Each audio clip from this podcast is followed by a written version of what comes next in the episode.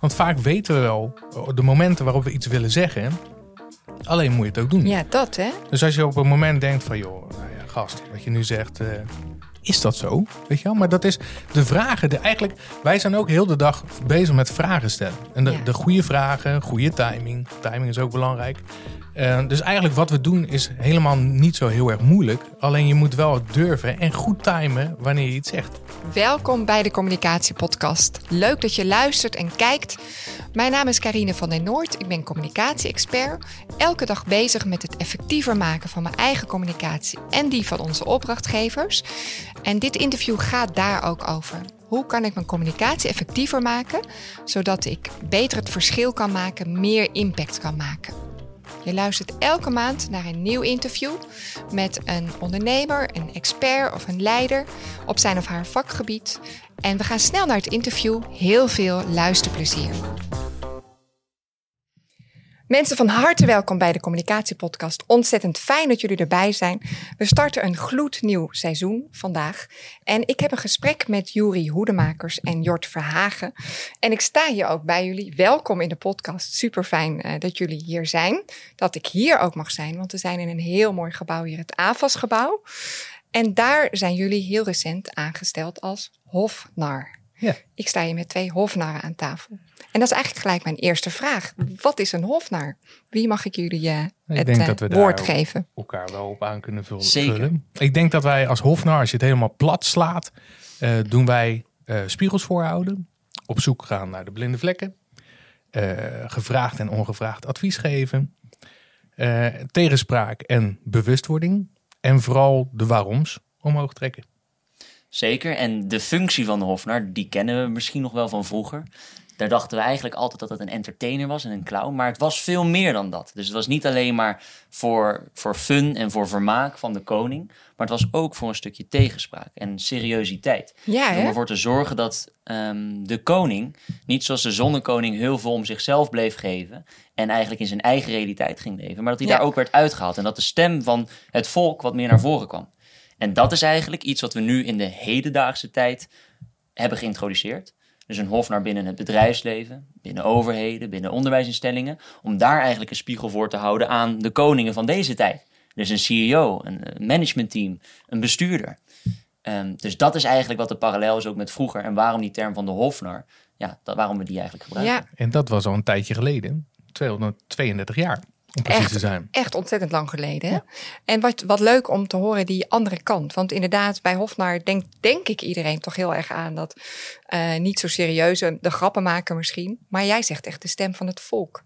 Ja, de stem van het volk. En daarnaast eigenlijk door op te halen bij de burger. Wat speelt er allemaal in het land? En dus in een organisatie. Wat speelt er bij de medewerkers allemaal binnen de organisatie? Dat naar boven halen vanuit een vertrouwensrol. Zorgt er eigenlijk voor dat je als um, Hofnar een advie adviseurrol kan aannemen. En dat je dus uiteindelijk een spiegel kunt voorhouden, wat, de, wat Jury er net al zei. En dat je ongevraagd en gevraagd advies kan geven. Ja, ja.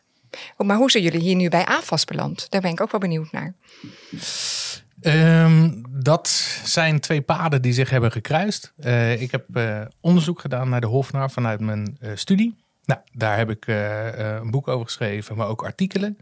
En op een gegeven moment uh, is dat, uh, had Bas van der Velde dus een artikel geschreven. Naar aanleiding van een artikel wat ik met uh, professoren had geschreven aan de Erasmus. En daar werd ik in getagd door Piet Mars. En Piet Mars is ah, een van de oprichters van AFAS. En die zei: Kijk, nou eens, Bas heeft, heeft, heeft dat artikel erover geschreven. dus daar werd ik in getagd. daar werd nog iemand onder getagd. Daar werden eigenlijk best wel veel mensen onder getagd. En op een gegeven moment heeft Piet mij dus aan tafel gezet bij Bas. Maar wel met de vermelding, Bas heeft ook iemand die er aan tafel komt.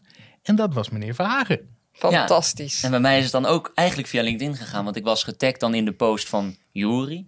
Um, die uh, eigenlijk uh, Hofnar ook had als titel. Dat Hofnar ja. draagt als titel. En toen ben ik in contact gekomen met Jury. Net al wat voordat we bij AVAS aan de slag waren gegaan. Dat was onze digitale kennismaking. En vervolgens, ja, misschien een maand of twee later, werd ik getagd inderdaad in die post van Bas ook. Dat hij een uh, Hofnar-gilde eigenlijk zocht om tegenspraak te organiseren voor hemzelf. Want nu heeft hij alleen, of toen had hij alleen zijn vrouw om tegenspraak te organiseren. Nou, en daar was ik dus in getagd. En toen om de tafel gekomen met Bas. En zo zijn die lijntjes bij elkaar gekomen. Via Piet en Bas zijn we dan hier samengekomen. Ja, en aan tafel, maar nu dus ook echt hofnar. Zeker, ja. Dus in dienst, in functie, hoe werkt dat? Ben je gewoon, sta je op de loonlijst? of- Volledig beëdigd als hofnar in de officiële functie. En dat is wel heel grappig, omdat eh, die functie, wat we net al zeiden, die is natuurlijk 232 jaar uit het eh, straatbeeld verdwenen.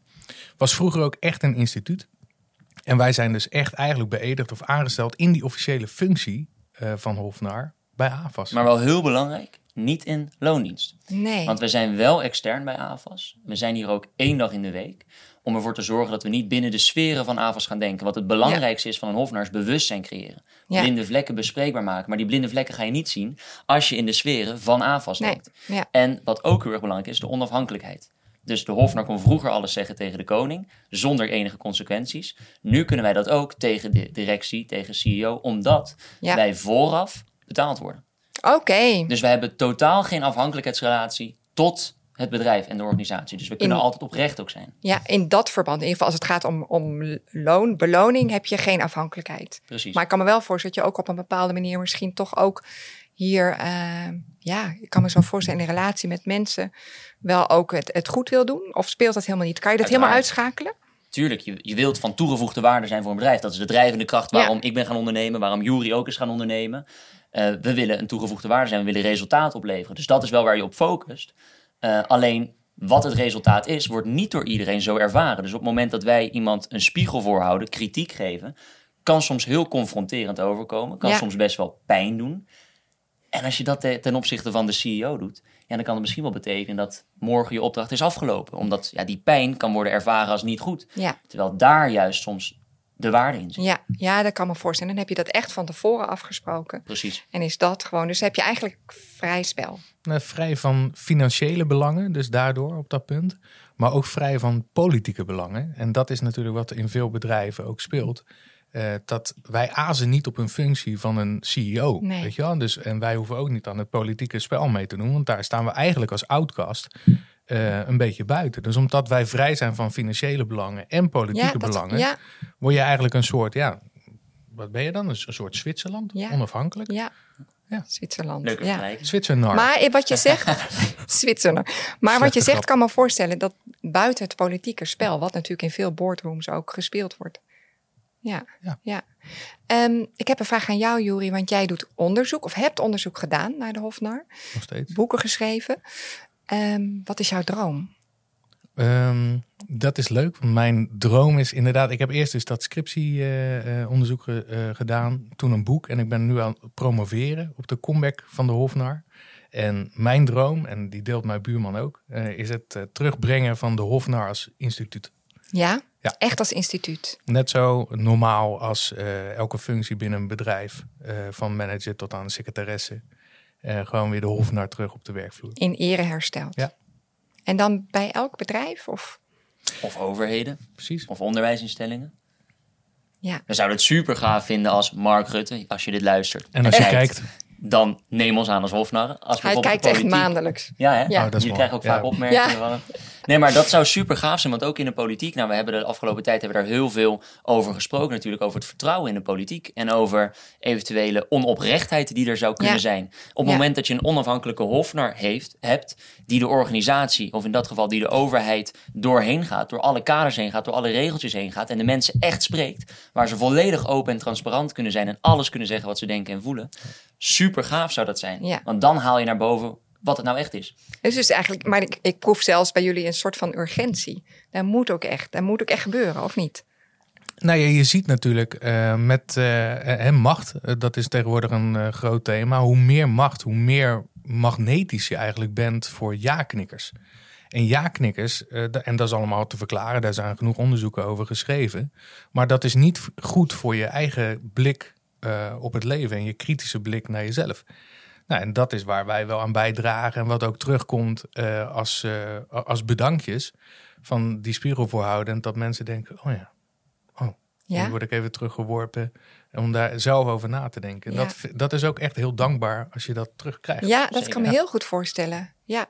Jort, jij hebt eh, jonge mensen ook aan tafel gezet. Hè, vanuit jouw eigen rol ook als hofnar. Niet, niet eens misschien hier in AFAS, maar op andere plekken.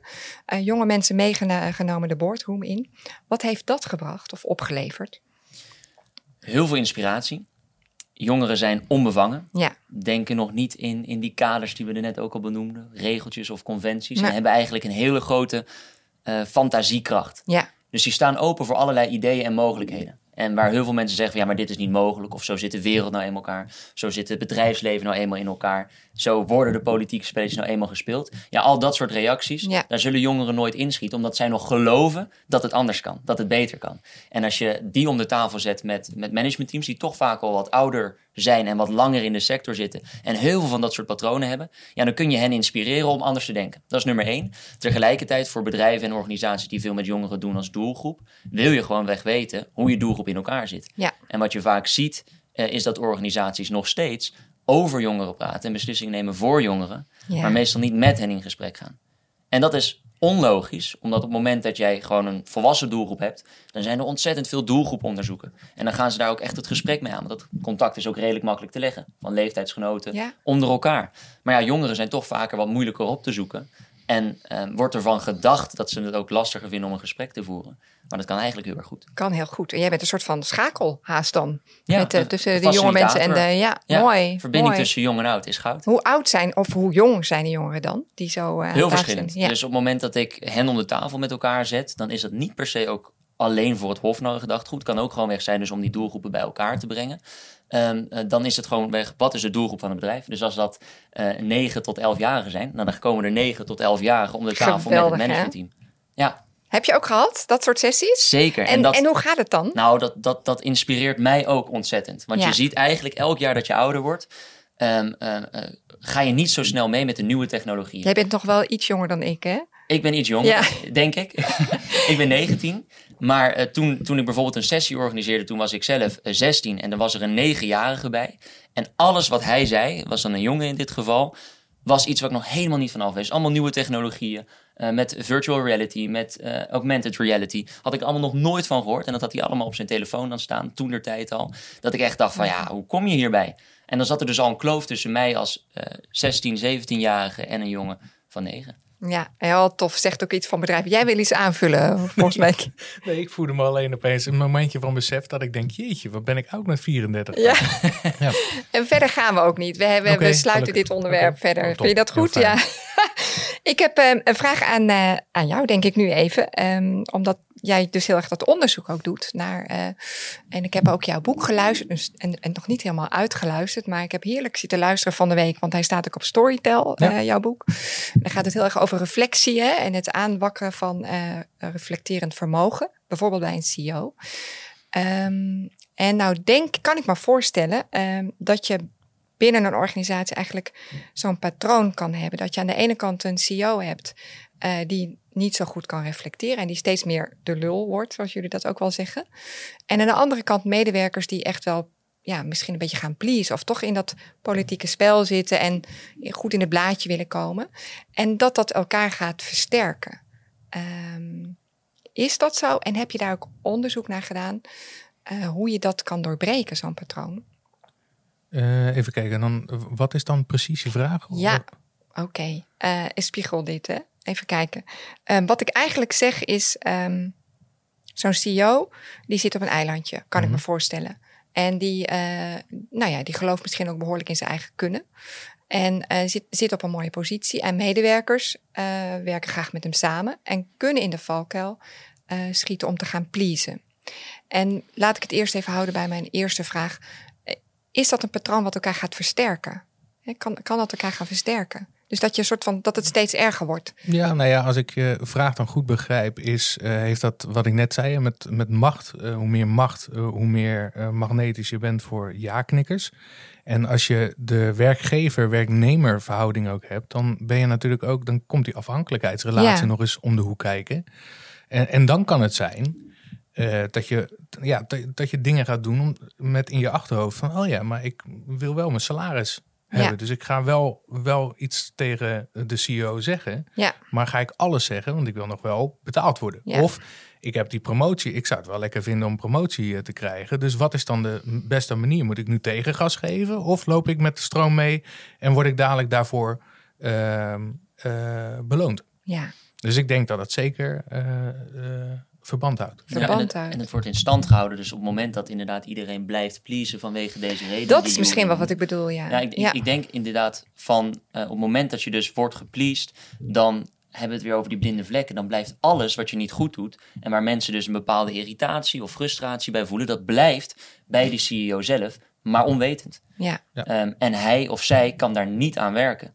Dus daarom is het zo ontzettend waardevol dat mensen wel precies zeggen wat ze denken en voelen. Voor die ander ook. ja.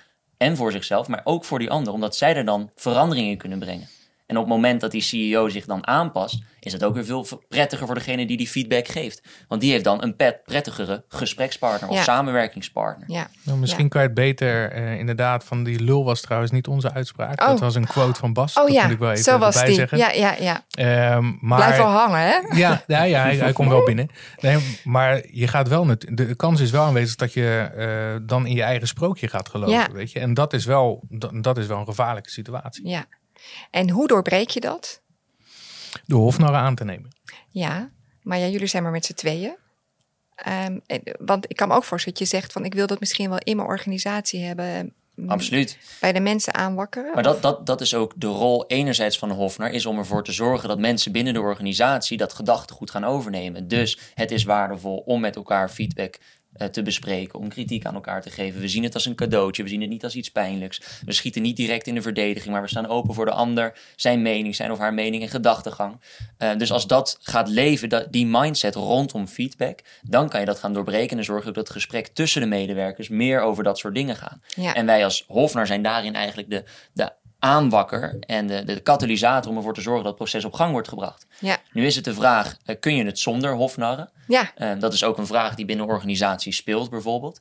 Nou, en daarin zie je dat op het moment dat je het vanuit extern, externe mensen doet, heb je dus geen belangen. Je staat helemaal vrij van, van, van alle politieke spelletjes die er eventueel worden gespeeld. Je bent niet iemands manager.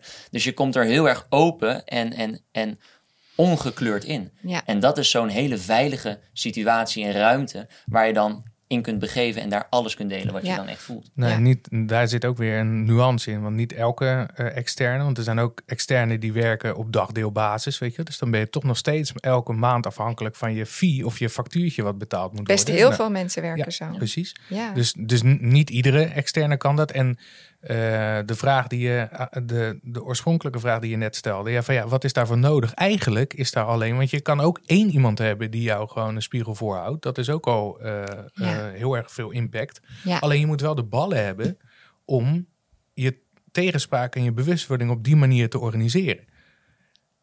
En dan pas kan er een cre- co-creatie komen. Dus als je als CEO denkt, oh ja, nou ik wil wel op deze manier dat organiseren, dan moet je toch eerst eventjes denken van, oh ja, het vergt wel in eerste instantie eh, wat ballen om ons aan te nemen. Ja. Maar daarna ga je wel heel snel resultaat zien. Ja, echt hè? Ja. Maar het begint misschien dan toch echt wel bij die CEO. Dat die eh, de ruimte geeft en het gaat organiseren. Die moet erin geloven dat het van toegevoegde waarde is dat alles wordt besproken. Ja. Want op het moment dat jij ook denkt dat je alles weet als CEO en dat je in die overtuiging leeft, of als directeur of als manager, ja, dan gaat het hem niet worden met de hofnaar. Nee.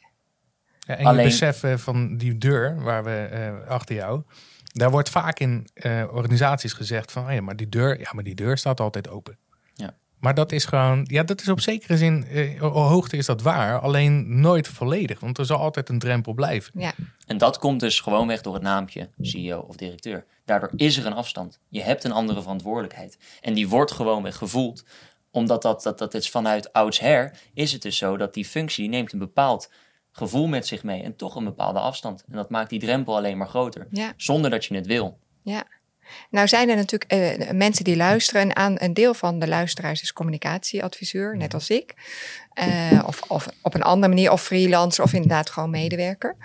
Ehm, welke tips zou je ze willen geven? Van, van, los van die CEO die misschien moet gaan reflecteren, maar toch, als je in een organisatie zit, welke kwaliteiten moet je misschien gaan aanboren bij jezelf of ontwikkelen om dit, om toch vaak die spiegel voor te houden? Nou, om af te trappen, denk een hele belangrijke is, dat hebben we ook geconstateerd in, in de Hofnar opdrachten, is dat je heel goed uitlegt waarom je zaken doet binnen het bedrijf. Dus als eh, CEO of als manager dat je het beleid goed uitlegt. Ja. De stappen die je hebt gezet, de keuzes die je maakt, de beslissingen die je maakt. Daar de waarom-vraag eigenlijk aan, uh, voor, voor jezelf bijstellen en dat vertalen naar de medewerkers. Want op het moment dat dat niet duidelijk is, dan kan er dus ruis op de lijn ontstaan. Gaan daar gesprekken over worden gevoerd, gaat alles een eigen leven leiden. Dus leg de waarom-vragen over beslissingen, over beleid, leg dat uit. Oké, ja. Dus dat is de kant van de manager en de kant van de medewerker? Uh, van de communicatie. Uh, Bijvoorbeeld, of, of, nee, uh, of ander soort adviseur. Maar... Ja, ik denk dat je vooral, um, kijk, de, de waarom jij het zelf moet doen, moet altijd opbouwend zijn. Weet je? Ja. En als je dat in je hoofd hebt, dan kan je eigenlijk alles zeggen. En dan is eigenlijk het antwoord op je vraag van gewoon just do it. Zoals Nike de, de slogan ook gaat. Want vaak weten we wel de momenten waarop we iets willen zeggen. Alleen moet je het ook doen. Ja, dat hè. Dus als je op een moment denkt van, joh, nou ja, gast, wat je nu zegt, uh, is dat zo? Weet je wel? Maar dat is de vragen. De, eigenlijk, wij zijn ook heel de dag bezig met vragen stellen. En de, ja. de goede vragen, goede timing. Timing is ook belangrijk. Uh, dus eigenlijk wat we doen is helemaal niet zo heel erg moeilijk. Alleen je moet wel durven en goed timen wanneer je iets zegt. En nagaan van kritisch kijken van, of luisteren van wat er gezegd wordt. Uh, wat wordt er gezegd? Waarom wordt het gezegd? En wat is de waarom van dingen? En als je die, het grappige is, als je de waarom naar boven trekt in alles wat je doet eigenlijk, dan gaat er een hele nieuwe dimensie open. Hè? Daar komen wij nu ook achter dat, dat heel vaak um, de betrappen, nou, betrappen wij onszelf er ook op van waarom doen we dingen zoals we dat ja, doen. Ja, dat hè? Nou, dan denk je, oh, oh, ja, oh.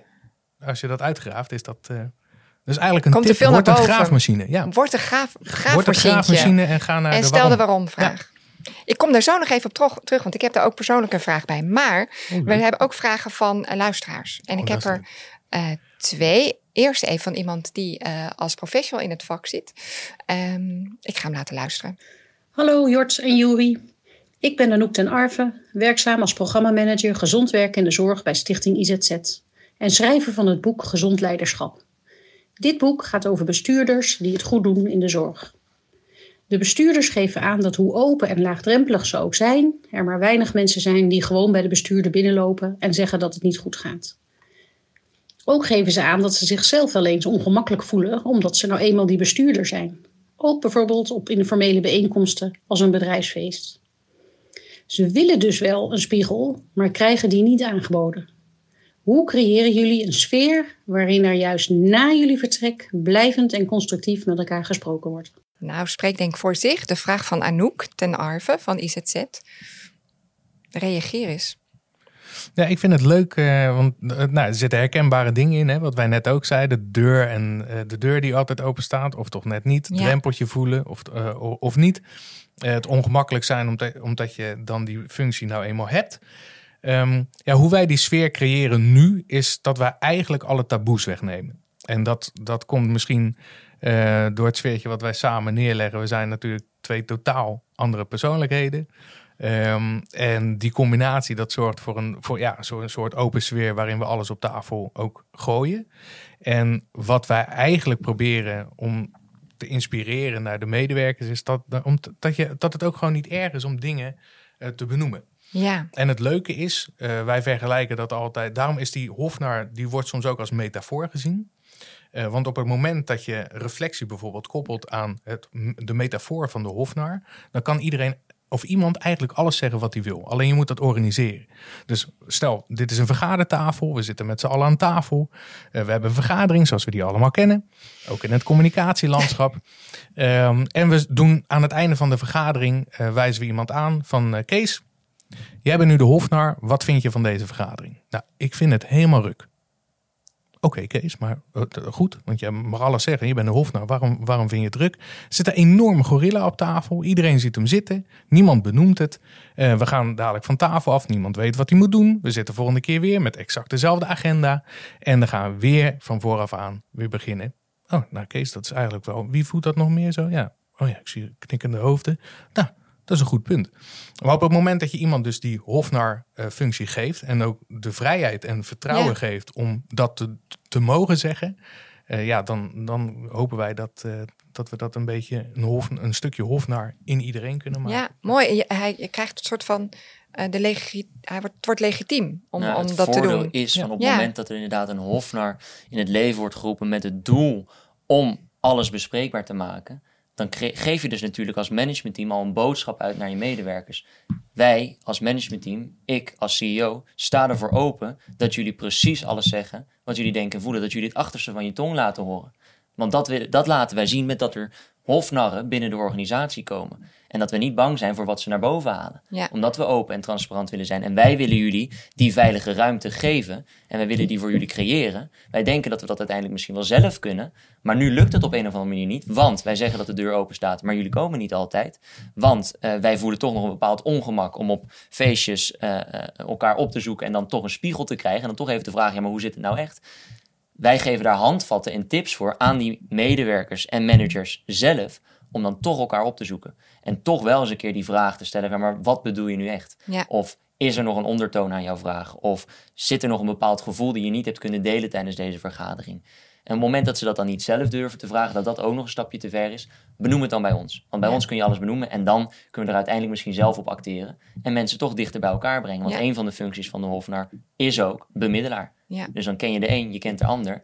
Daartussen kan je dan gaan bemiddelen. Ja, dus jij zegt eigenlijk uh, maak het bespreekbaar als CEO. Hè? Ook, ook als jullie er niet zijn. Hè? Want uh, ook als je gewoon in een organisatie zit en je merkt dat.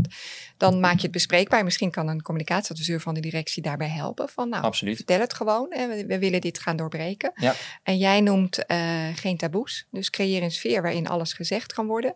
En dat andere vind ik ook wel fascinerend. Mensen mogen gewoon af en toe even de pet van de hof naar op hebben. En dan wordt, wordt het zeg maar, krijg je echt even de ruimte en de vrijheid. Dan mag je alles zeggen. Ja. ja, dan wordt het ineens makkelijker of zo, denk ik. Hè? Eh, misschien om een, om een meer tastbaar te maken. Want, want ik kan me best begrijpen dat je nu zit te luisteren of te kijken en denkt van Hofnar, dat klinkt wel uh, nieuw en abstract voor mij. Maar misschien ben je dan wel ben, uh, ben je bekend met de theorie van de Bono, de denkhoede? Ja. Nou, dat is eigenlijk, hè, dan reageer je uit de kleuren hoedjes. Ja. Uh, rood uit emotie, ja. wit uh, neutraal, zwart als zeg maar de pessimist. Nou, normaal gesproken, als iemand in een vergadering of in een situatie uh, negatief reageert of kritisch, dan kan het zo zijn: wat, heb je eigenlijk azijn gedronken vanochtend? Waarom doe je nou zo, zo, zo lelijk? Terwijl als uh, hij of zij dat zwarte hoedje op heeft, dan denken we allemaal geweldig. Wat doe jij heel goed zeg? Nou, dat die is hem. muts, dat is eigenlijk alle bono hoedjes door elkaar, alleen dan 16 bono hoedjes, uh, waardoor je die vrijheid kan voelen om vanuit die 16 rollen alles te vinden wat je wil. Want hey, het is in het belang van het bedrijf. Ja, tof. Mooi, mooi ook uh, voorbeeld erbij. Ik heb nog een vraag. Gezellig. Van een luisteraar, Isa. Isa Baes ken ik persoonlijk. Uh, heel uh, deskundige cultureel antropoloog. En daarnaast heeft ze haar eigen bedrijf, De Luisterbaas. En ze luistert, dus haalt heel veel verhalen op. Ik vind het ook een fantastisch concept dat ze heeft. En hier komt haar vraag. Hallo Jort en Juri. Mijn naam is Isa en als uh, cultureel antropoloog ben ik erg enthousiast over wat jullie uh, uh, doen en in de wereld zetten. En um, vanuit mijn eigen achtergrond ben ik heel benieuwd hoe jullie de verkenningsfase um, organiseren. Jullie halen daarin heel veel informatie op. En um, je bent dan zelf eigenlijk hè, het middel in deze fase. Je, je filtert informatie, je ziet bepaalde dingen wel en niet. Um, je hebt een culturele bril op, je hebt uh, bepaalde vooroordelen. Um, en dat alles is van invloed op hoe je informatie uh, verzamelt, hoe je het analyseert, hoe je het interpreteert. Um, hoe, mijn vraag is dan hoe jullie je eigen objectiviteit in deze fase organiseren. Ik ben benieuwd. Dank jullie wel. Ja, dit is uh, ontzettend belangrijk. Die verkenningsfase, daar begint het eigenlijk allemaal bij. Dat hebben we hier ook bij ANVAS gedaan. Je gaat de organisatie eerst in. doen we op verschillende manieren. We starten gewoon met gesprekken met iedereen die we tegenkomen. Dat is nummer één. Aan de andere kant plannen we ook meeloopdagen in. Dus we gaan meelopen op de verschillende afdelingen die er zijn. Om ook echt dezelfde activiteiten te ontplooien. Zo met die medewerkers op een laagdrempelige manier in gesprek te komen en te horen wat er speelt. En dat laatste wat ze benoemt, iedereen die denkt volgens zijn of haar eigen denkkaders. Mhm. Wereldbeelden, denkbeelden. Je hebt een bepaalde kijk op jezelf, een bepaalde kijk op de wereld, een bepaalde kijk op de ander. En op het moment dat je dat laat beïnvloeden, ja, dan is die informatie die je verzamelt is niet meer zuiver.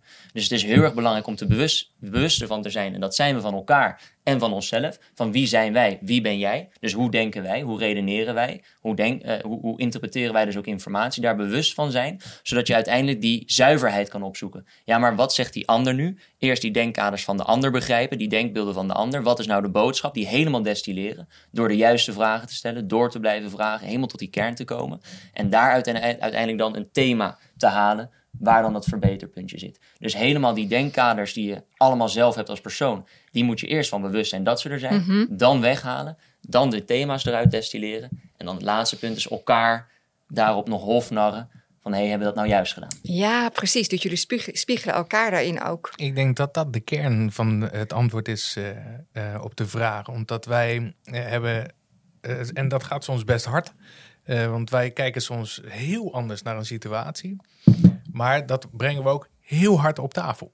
Dus dat gaat soms echt, dan, dan spatten de vonken er vanaf. Maar dat is heel goed om die objectiviteit sowieso te bewaren. Maar dan nog steeds zijn we blind, omdat we, hè, we, zijn, we zijn maar met z'n tweeën. Maar wij zijn ook niet bang om gewoon feedback te vragen aan uh, iemand die we dan net hebben gespiegeld.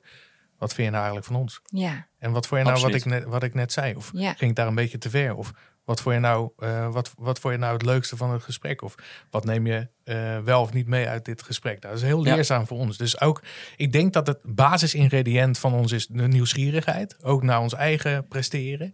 En daar vragen we ook naar. En dat is ook, als we dan een tip mogen geven, die nieuwsgierigheid en die eh, feedback vragen op momenten waar het helemaal eigenlijk niet verwacht, dat is heel waardevol. Dat is echt ook heel leuk. Tof. Ja. Mooi, mooi.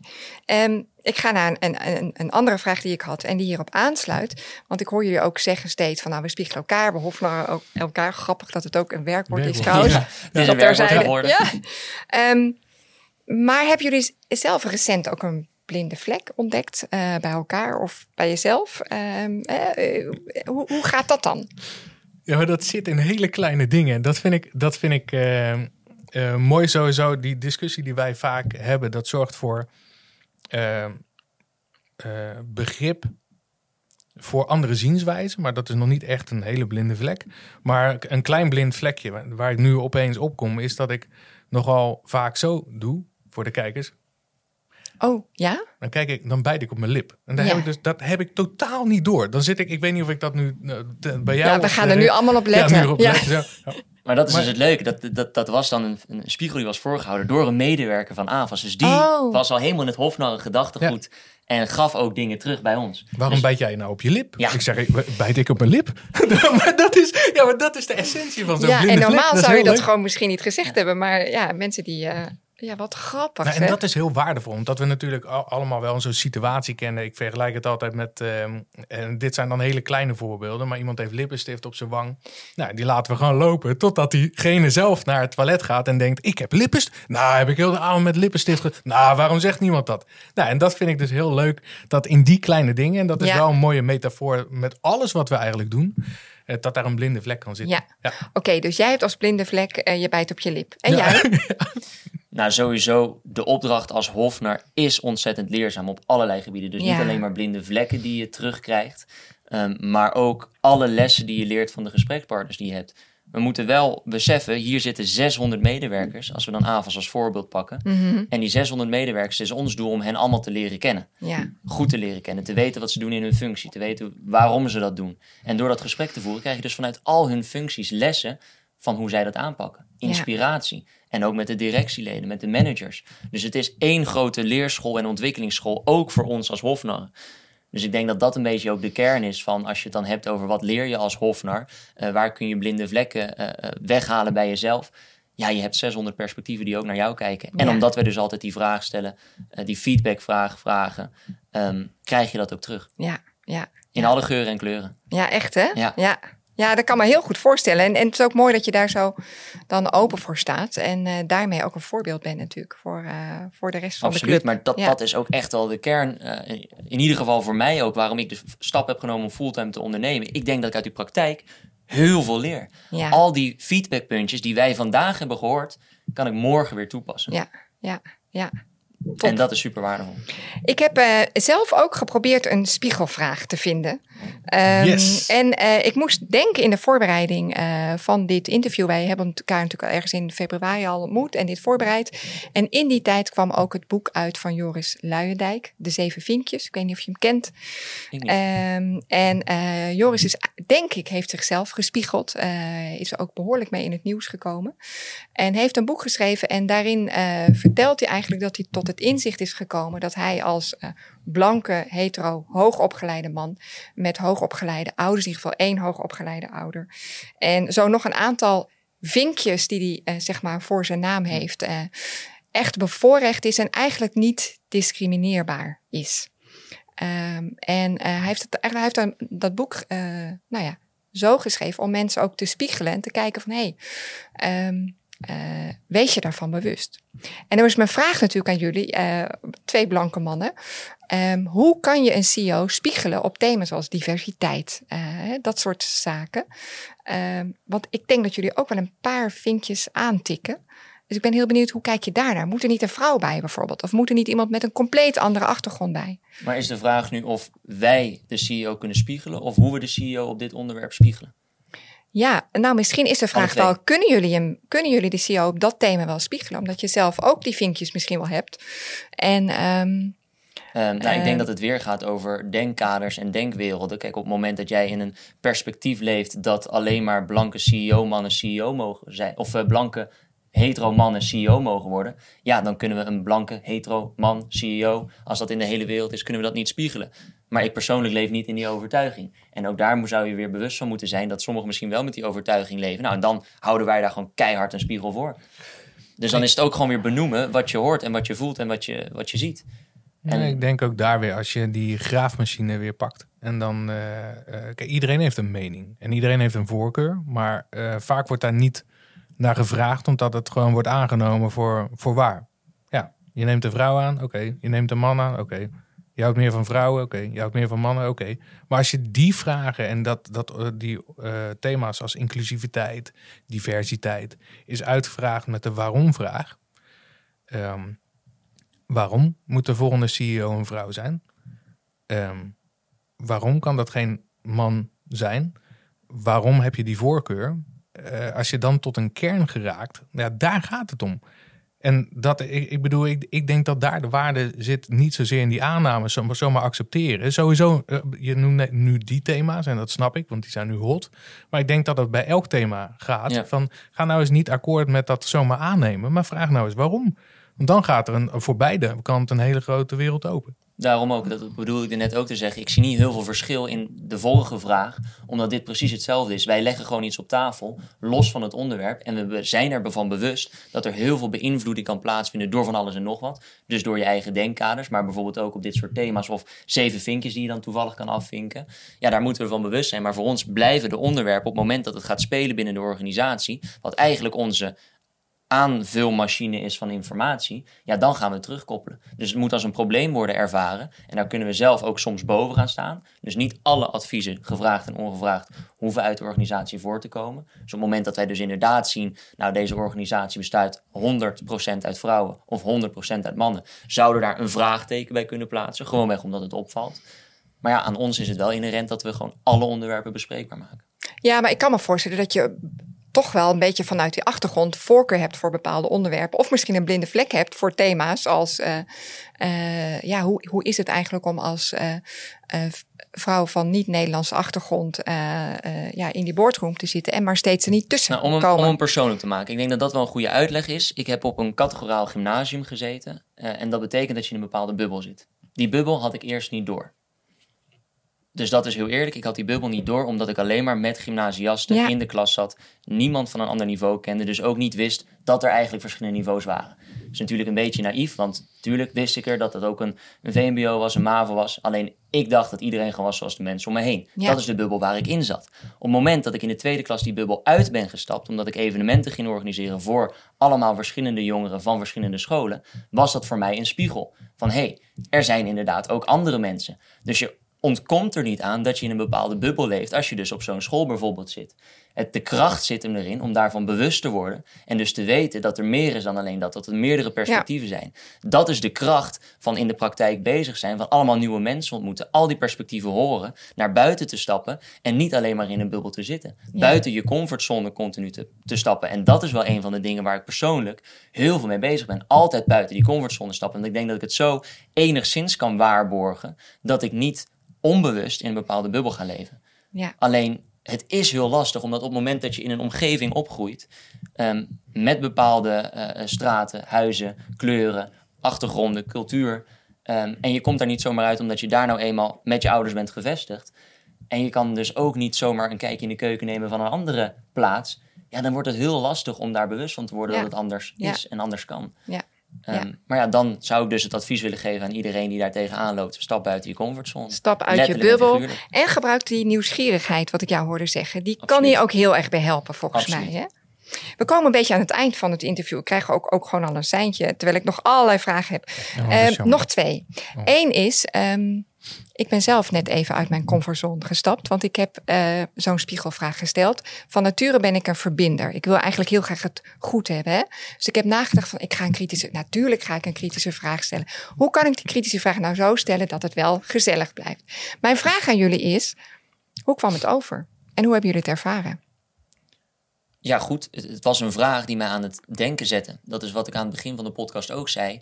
Heel vaak krijg je dezelfde vragen. En dat komt omdat, ze, omdat het meestal wel veilige vragen zijn. Goh, wie ben jij? Waar kom je vandaan? Welke stappen heb je gezet? Nou ja, dat is op een gegeven moment niet meer interessant. Kom je met zo'n prikkelende vraag die mensen toch aan het denken zet. Ja, dan, dan ga ik dus ineens heel erg nadenken. Van, ja, maar wat bedoel je nou precies met die zeven vinkjes? Kan het zo zijn dat ik daar ook door word beïnvloed? Nou, ik zou eigenlijk willen geloven dat het niet zo is. Tegelijkertijd denk ik aan dat voorbeeld dat ik er net benoemde. Nou, misschien is het ook alweer onvoorkomelijk. Hoe kan je daar dan uitstappen? Oh ja, door buiten je comfortzone eh, te stappen. Dus ja, het heeft mij heel erg weer aan het denken gezet, waardoor het mij ook weer inspireert. En ik dus eigenlijk ook een beetje een spiegel heb voorgehouden gekregen vanuit jou. Dus ja, ik kijk daar waardevol op terug. Oké, dankjewel.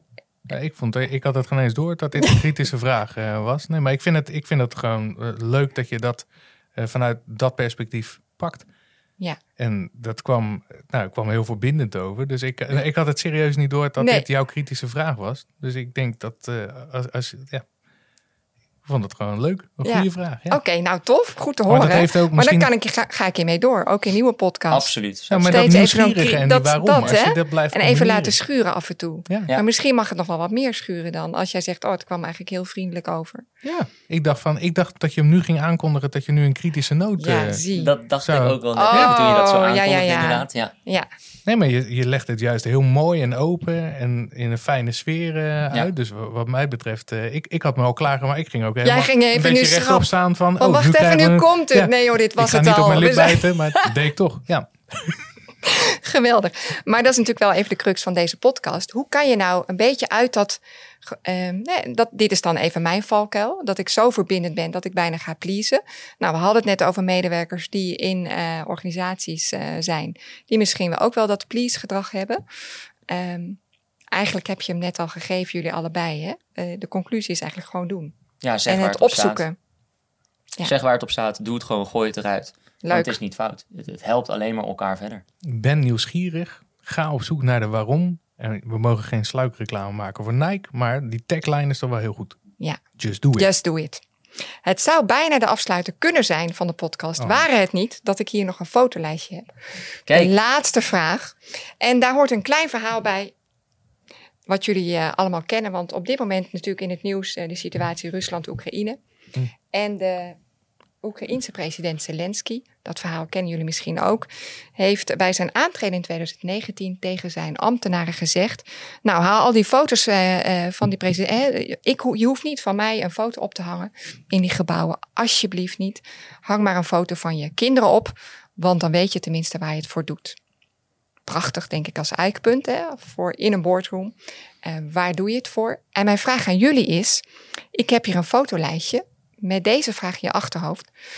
Wat moet er in het lijstje in de boardroom? Wat mag er in het lijstje van jullie? In de boardroom. Ja, Absoluut een spiegel. een spiegel. Ik zou een spiegel in de lijst. Ja, tof. voor mij eh, ehm, zie ik een, een wereld vormen met allemaal lachende kinderen. Want ik heb een, uh, een tijdje terug probeerde ik echt te, uh, te, onderzoeken, een paar jaar geleden is dat, wat is nou voor mij de essentie om te leven? En toen ben ik op zoek gegaan naar kippenvelmomentjes, want die voelen voor mij heel erg oprecht. Kippenvel, dat kan je niet simuleren, dat komt gewoon weg. Uh, en die kreeg ik vaak wanneer ik jongeren zag lachen. En toen wist ik dus, wat mijn doel is, is ik wil jongeren in hun kracht stellen de beste versie van zichzelf te worden. En op het moment dat ik dat kan doen, dus dat iedereen zich volledig kan ontplooien en daar de kansen toe kan bieden, voor iedereen, dus binnen de hele wereld, ja, dan is mijn, uh, mijn doel compleet. Dus dat is ook waar ik het allemaal voor doe. Heel dan mooi. heb ik de vraag verkeerd begrepen, want ik dacht dat het, in de boardroom moest zijn. Ja, ja, ja maar dat kan ook. Deze komt ja, in de dit, is- boardroom, dit komt, ja, dat vindt eh Jort onderneming. belangrijk. Ja. Oh, ik, oh, ik heb hem ingevuld voor de Spiegel, board. lachende. Ja. Ja. Ja, maar de- spiegel deze voor de komt ook in de boardroom, hè? Ja, dus dat is krijgen ook... een spiegel Ja. en daarnaast een foto met eh, lachende Absoluut. kinderen. Dat is wel een goede combo. Ontzettend bedankt dat jullie in de podcast waren. Eh, Heel veel van jullie geleerd. Mensen die eh, naar jullie eh, op zoek gaan, waar vinden ze jullie? Op LinkedIn, denk ik, hè? LinkedIn. Ja, Ja. Ons- Hoedemakers en Jort. Verhagen. Verhagen. Ik dat we ingestudeerd. Dus Doe nog zegt- even, doe nog even. op de- niet knippen dit. Waar dit is vinden we jullie op LinkedIn? leuk. Leuke vraag. Bij Nou. Juri Hoedemakers. En Jort Verhagen. Heel erg bedankt mensen en tot de volgende keer. Ja, dankjewel voor het luisteren naar weer een nieuwe aflevering van de Communicatiepodcast. Ik hoop dat je hebt genoten, dat je geïnspireerd bent. Wil je nog meer tips en informatie? Ga dan even naar decommunicatiepodcast.nl. Daar kan je je namelijk eh, abonneren op een nieuwsbrief met maandelijks nog meer achtergrondinformatie. Van elke eh, spreker hebben we dan nog extra tips en tools die we delen. En die vind je daar. Dus dat zou ik zeker even doen. En heel fijn als je natuurlijk een review wilt achterlaten op het moment dat je dit een inspirerend verhaal vond en daar ook andere mensen op wil attenderen. Dankjewel.